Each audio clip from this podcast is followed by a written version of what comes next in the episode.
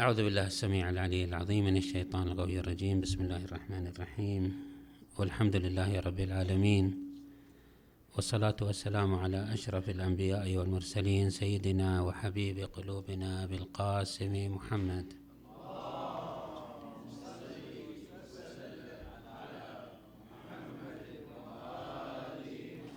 وعلى أهل بيته الطيبين الطاهرين. لعله في السنوات الماضية كنا نتكلم بشكل متسلسل عن حركة الإنسان في هذا الكون وأنه من أين جاء وكيف تنزل في مراتب الوجود وأثر هذه المراحل في التنزل التي اصطلحنا عليها بعالم الذر وعالم الميثاق وعالم الفطرة ومدخلية الملائكة وعوالم الغيب ومقاربته إلى عوالم الشهود. بعد أن طوى مراحل في هذا الوجود. ولعله يختصرها القرآن الكريم في آه، قصة لطيفة مختصرة مضغوطة وهي بقصة آدم عليه أفضل الصلاة والسلام وأنه كيف خلقه الله وجعله في جنة. ثم هذه القصة ليست مجرد استعراض لأحداث تكوينية وليست مجرد قصص تحكى وإنما تقدم صورة مضغوطة ومختصرة ومستوعبة للجميع لفهم حركة الإنسان في هذا العالم وفي هذا الوجود. لعله من الخطوات الأخيرة للإنسان في هذا العالم هو وجوده في هذا المرحلة الوجودية التي هي مرحلة الدنيا وملابساتها.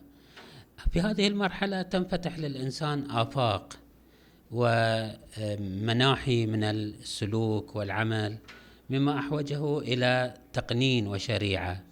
وهذا ما سوف نتحدث عنه في هذه السنة حول علاقة الإنسان والشريعة بمعنى كيف يعيش الإنسان في هذه المرحلة في ضمن التشريع الإسلامي. موقعية الشريعة خصائص الشريعة طبيعة الإنسان وعلاقته بهذه الشريعة. ولكن لكي نصل إلى هذا المعنى نحتاج إلى أن نذكر مجموعة مقدمات نطويها من خلال عدة آه، أمور. في البدء لنلاحظ آه، في نظرة عامة شاملة لطبيعة كل هذا الوجود كل هذا العالم. نجد أنه هذا الكون هذا العالم آه، توسعوا عن منظور خصوص الإنسان. عالم النبات والحيوان والجماد أيضا سوف نلاحظ أن كل هذا الكون يسير في ضمن نظام وشريعة ودستور وتقنين مقصور حاكم لا يتخلف في أجمل ما يمكن أن يكون وكما يقال عادة ما بالإمكان أجمل مما كان. وكلما تقدم الإنسان في كشوفاته المعرفية والعلمية كلما انبهر في إدراك بنود هذا التقنين الإلهي الحاكم المدبر لهذا الكون. إن على مستوى الدائرة المادية الجمادية من الذرة إلى المجرة نجد أنه محكوم بقوانين فيزيائية ومعادلات في غاية الدقة تحكمه وتسوسه سوسا جبريا لا اختياريا. ولكن في مجمل هذه الحركة نجد أنها متلائمة جميلة محكمة بديعة وكلما تطور الكائن من الجماد إلى النبات كلما دهش الإنسان عندما يحيط علما بخصائص القوانين والدساتير التي تدبر هذا الكائن. ففي الجماد من الذرة كما ذكرت إلى المجرة بينها علاقة دقيقة محكمة متوازنة لا تختل فيها الأمور طبعا لن نسع لن يسعنا المقام إلى بل لعله أنتم أكثر إحاطة واطلاعا بقوانين الفلك وحركة الأفلاك والكواكب. وكذلك الجيولوجيا وحركة الأرض وأعماق الأرض كلها تسير ضمن معادلات دقيقة جميلة بديعة تحفظ هذا الكون في مسارته وفي تكامله. أما إذا ترقينا عن عالم الجماد إلى عالم النبات فالقضية أكثر إبهارا وأكثر إعجابا. وكما ذكرت العلوم الجديدة تستكشف أشكال وأنواع من بدائع الخلقة الإلهية والتقنين الإلهي في انتشار هذه الكائنات الحية وتعددها وتشكلها حتى أنه آه، تحافظ على الطبيعة في توازن دقيق من أخذ ما هو زائد وتحويله إلى ما هو منتج مفيد لكل الكائنات الحية. كما تعلمون أنه رئة العالم هي الأشجار والنباتات التي هي الغذاء التي عليكم السلام ورحمة الله. التي تقدم الطعام لبقية الكائنات.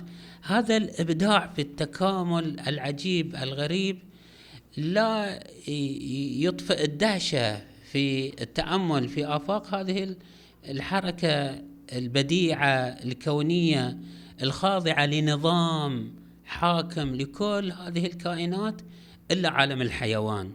عالم الحيوان بعد تفتح أمامنا آفاق من العجائب والغرائب التي لا يزال الإنسان يكتشف ولا يزال بدائي في اكتشافاته في آفاق وأسرار هذه هذه الكائنات العجيبة الغريبة التي استعصى على العقل البشري أن يفهم كيف نظمت هذه الكائنات؟ كيف تسير هذه الموجودات في ضمن هذه التشريعات والتقنينات الإلهية البديعة التي تحفظ لها وجودها؟ لعله لم يعني يخفى على أحدنا أن رأى يوما من الأيام فيلما وثائقيا مبهرا في كيف أن الحيوانات كيف تنمو كيف تتوالد كيف تتكاثر. من الحشرات إلى الطيور إلى أضخم الكائنات. كيف أنها لعله قبل كم يوم من باب الاتفاق. رأيت فيلما قصيرا عن آه، مثلا آه، هذا آه، من أضخم الحيوانات الكائنات هي الحوت. كيف يطعم كيف يلد في داخل البحر؟ وكيف يطعم طفله؟ في معادلات يعني في غاية الغرابة والعجابة. طبعا والإبداع التكويني والتنظيم بحيث يكون الجنين المولود متوافق مع طبيعة تركيبة جسم الأم وكيف يهضم الطعام كيف لا أحيلكم على مجهول وإنما العالم كله الآن منتشر بهذه الكشوفات العلمية في عالم الحيوان وفي آفاق عالم الحيوان. هذه العصافير كيف تشكل؟ أعشاشها كيف؟ بل لعله في كثير من الأحيان الإنسان يستفيد من بعض الفنون التي يمارسها بعض الحيوانات. يقال والعهد على النقلة من أنه الإنسان في أول محاولاته لتفقيش البيض تفقيشا صناعيا لم يهتدي إلى عملية التفقيس الفني. فكان يأخذ البيض ولكنه يفشل في تحويلها إلى صيصان. حتى لاحظ أن الدجاج آه، تقلب البيضة. الآن سواء صح الكلام أو لم يصح غرضي أقول أنه لاحظوا الإبداع في التقنين التكويني. أنه الدجاجة كيف تحرك البيضة وتقلبها بحيث تكون الحرارة تتوزع على أجزاء هذا الكائن. طبعا الكلام في بعض خطب أمير المؤمنين عليه السلام في أنه يثير العجب في نفس البيضة داخل البيضة أنه كيف يكون هذا الماء الأبيض وهذا الذهب الحمراء؟ كيف يتحول؟ هناك بعد آفاق أكثر إعجابا وغرابة في الإبداع في التكوين. أقول أنه هذا العالم كله يعيش في ضمن تقنين ودساتير ومنهجة وشريعة حاكمة على هذا الوجود تسوقه تسوقه سوقا بديعا إلى ما في كماله وترقيه. وسعادته وفائدته. في ضمن هذه اللوحة الجميلة المترامية الأطراف يوجد هناك خانة مربكة وخانة قلقة وخانة مختلة عن طبيعة هذا التركيبة كلها وهي خانة الإنسان. الإنسان الذي يعيش حالة دمار وحروب وقتل وسفك وظلم وظلامات هذه الصورة البديعة تشوشها هذه المساحة من القلق والاضطراب. الخلل هناك هو في أنه هناك مساحة متاحة للإنسان يراد منه هو يقنن نفسه هو ينظم نفسه لكي لكي يتجانس مع بقية هذا الكون في تقنين منسجم. لو أن الإنسان وبإمكانه وباستطاعته أن ينظم نفسه لأوب مع الكون. أوب يعني أصبح يسير مع نفس حركة الكون في نفس نظامه ونفس تكامله ونفس إبداعه ونفس ترقيه ولا أصبح سعيدا كما هو سعيد الكون كله. وإذا قلنا في البداية ما بالإمكان أجمل مما كان كان بإمكان الإنسان أن ينسجم مع هذا الكون بحيث يكون هو أيضا كذلك. وهذا يحوجنا أن ندرس كيف جاء هذا هذا المخلوق. متى وجد كيف وجد وكيف وصل إلى هذه المرحلة. طبعا هناك مدارس في فهم دراسة حركة البشر في هذا العالم. هناك مدرستين في خطوط عريضة ولا هناك مدارس كثيرة ولكن أهم الدراستين تقريبا كما يعبرون عنها في بعض التأليفات أنه إما أن نقول بالمدرسة التطورية وهذا معروفة مشهورة مدرسة داروين فرويد هؤلاء لعله يغلبهم آه، التأملات الطبيعية. أنهم يريدون أن يقولون كما أنه في المادة هناك آه، تطور طبيعي. لاحظوا الأرض وجيولوجيتها كيف أنه مثلا آه، هكذا يفترضون أن هناك دورة جيولوجية أرضية تحدث حالة الخصب على وجه الأرض. بمعنى أنه العوامل الطبيعية تنحت الجبال وتنحت الصخور وتحولها إلى رمال. الرمال تذهب إلى البحار البحار تذهب إلى باطن الأرض باطن الأرض تضغط عليها بالحرارة والضغط ثم تنفجر عبر براكين تتحول إلى والمناطق البركانية عادة أكثر المناطق خصوبة لأنها تخرج ما في هكذا دورة. يقولون كل ما في الطبيعة يعيش تطور طبيعي ذاتي. هذا الكلام الذي أشرنا إليه بشكل سريع في عالم المادة كذلك في عالم الحيوان. فالحيوان أيضا بدأ بدائيا بسيطا الآن هم هكذا يتصورون أو هكذا يطرحون أنه آه، ما كان هناك حياة أصلا. طوال ملايين ومليارات السنوات في خلال هذه الملايين وجدت بيئة صالحة طين ورطوبة ثم جاءت صاعقة كهربائية فأحدثت شرارة حية ثم حياة بدائية خلية حيوانية بسيطة. هذه الحياة الحياة, الحياة الحية البسيطة آه، في الماء آه، تطورت ثم خرجت على الساحل ثم تحولت إلى سمكة ثم من بعد السمكة إلى زواحف. وهكذا تطورت إلى أن وصلت إلى مرحلة القرد الذي هو أقرب ما يكون للإنسان. ثم بتطور طبيعي تقتضيها منطق النشوء والتطور. كلما احتاج الحيوان إلى حاجة معينة طور في نفسه لمقتضى مثلا يقولون أنه آه، الزرافة وال آه، نعم والقنفذ. القنفذ تعرفون هذا الحيوان الصغير أقصر الحيوانات رقبتان والزرافة لعله أطول الحيوانات رقبتان. يقولون هذا الحيوان من ذاك الحيوان؟ لأنه بالتشريح اكتشفنا أنه الزرافة لها سبع فقرات في رقبتها والقنفذ له سبع فقرات.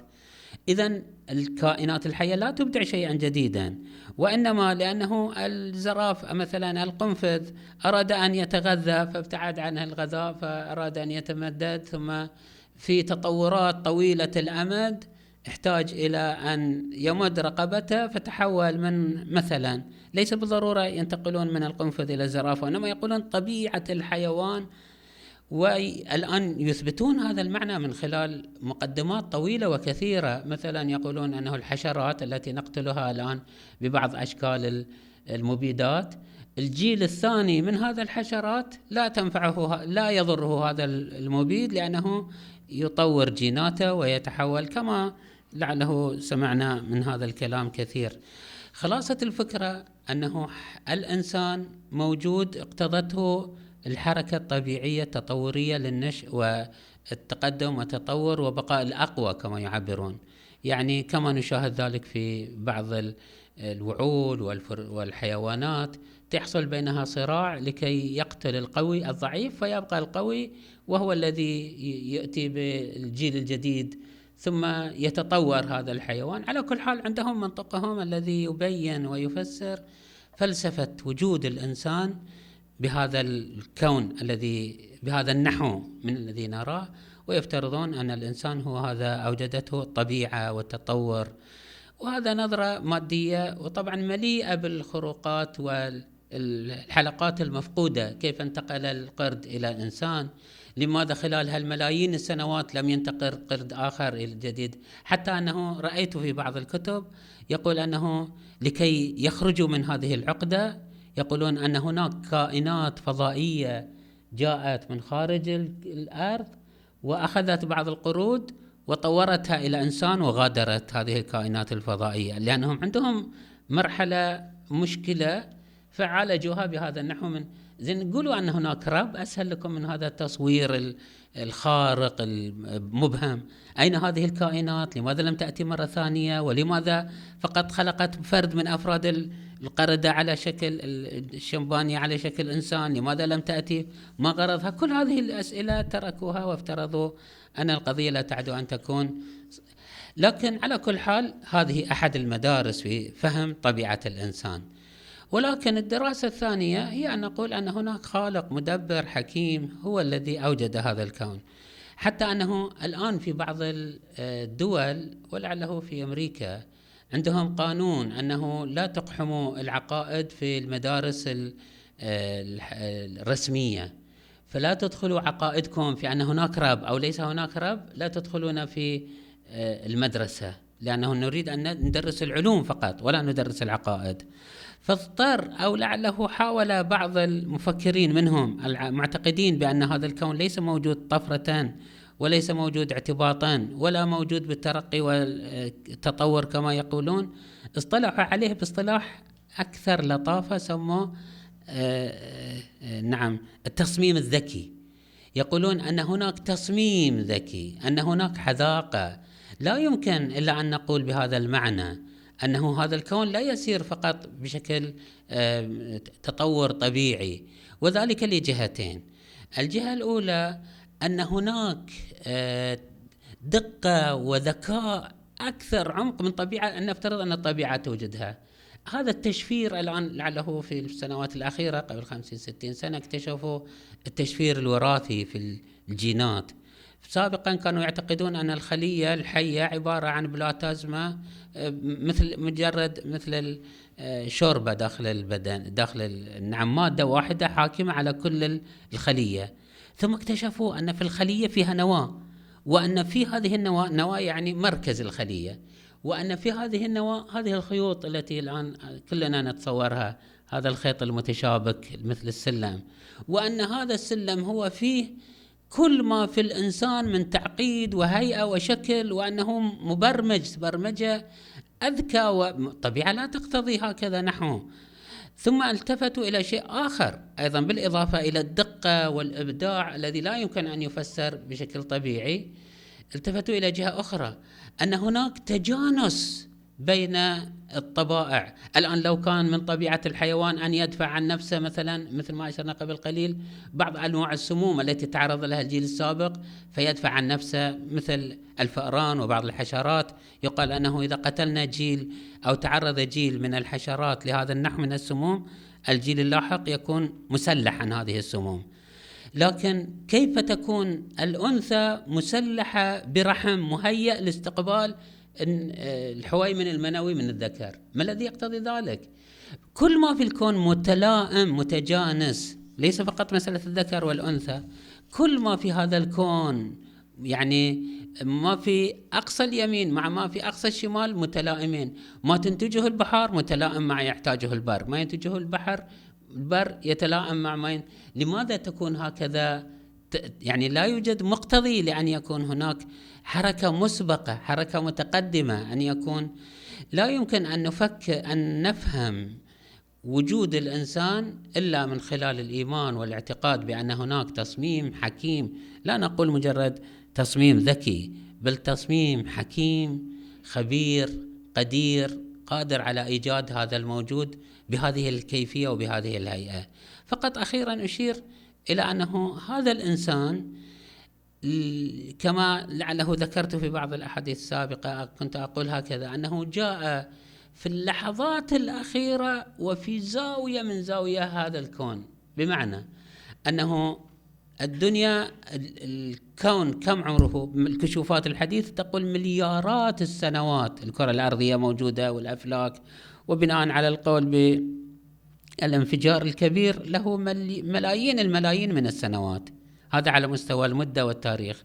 على مستوى السعة فأنه هو الأطراف الكونية في غاية البعد وفي غاية يقولون هكذا أنه عدد عمر عمر عمر الحياة وليس عمر الإنسان. عمر الحياة 13 مليار آه، مليون سنة ضوئية.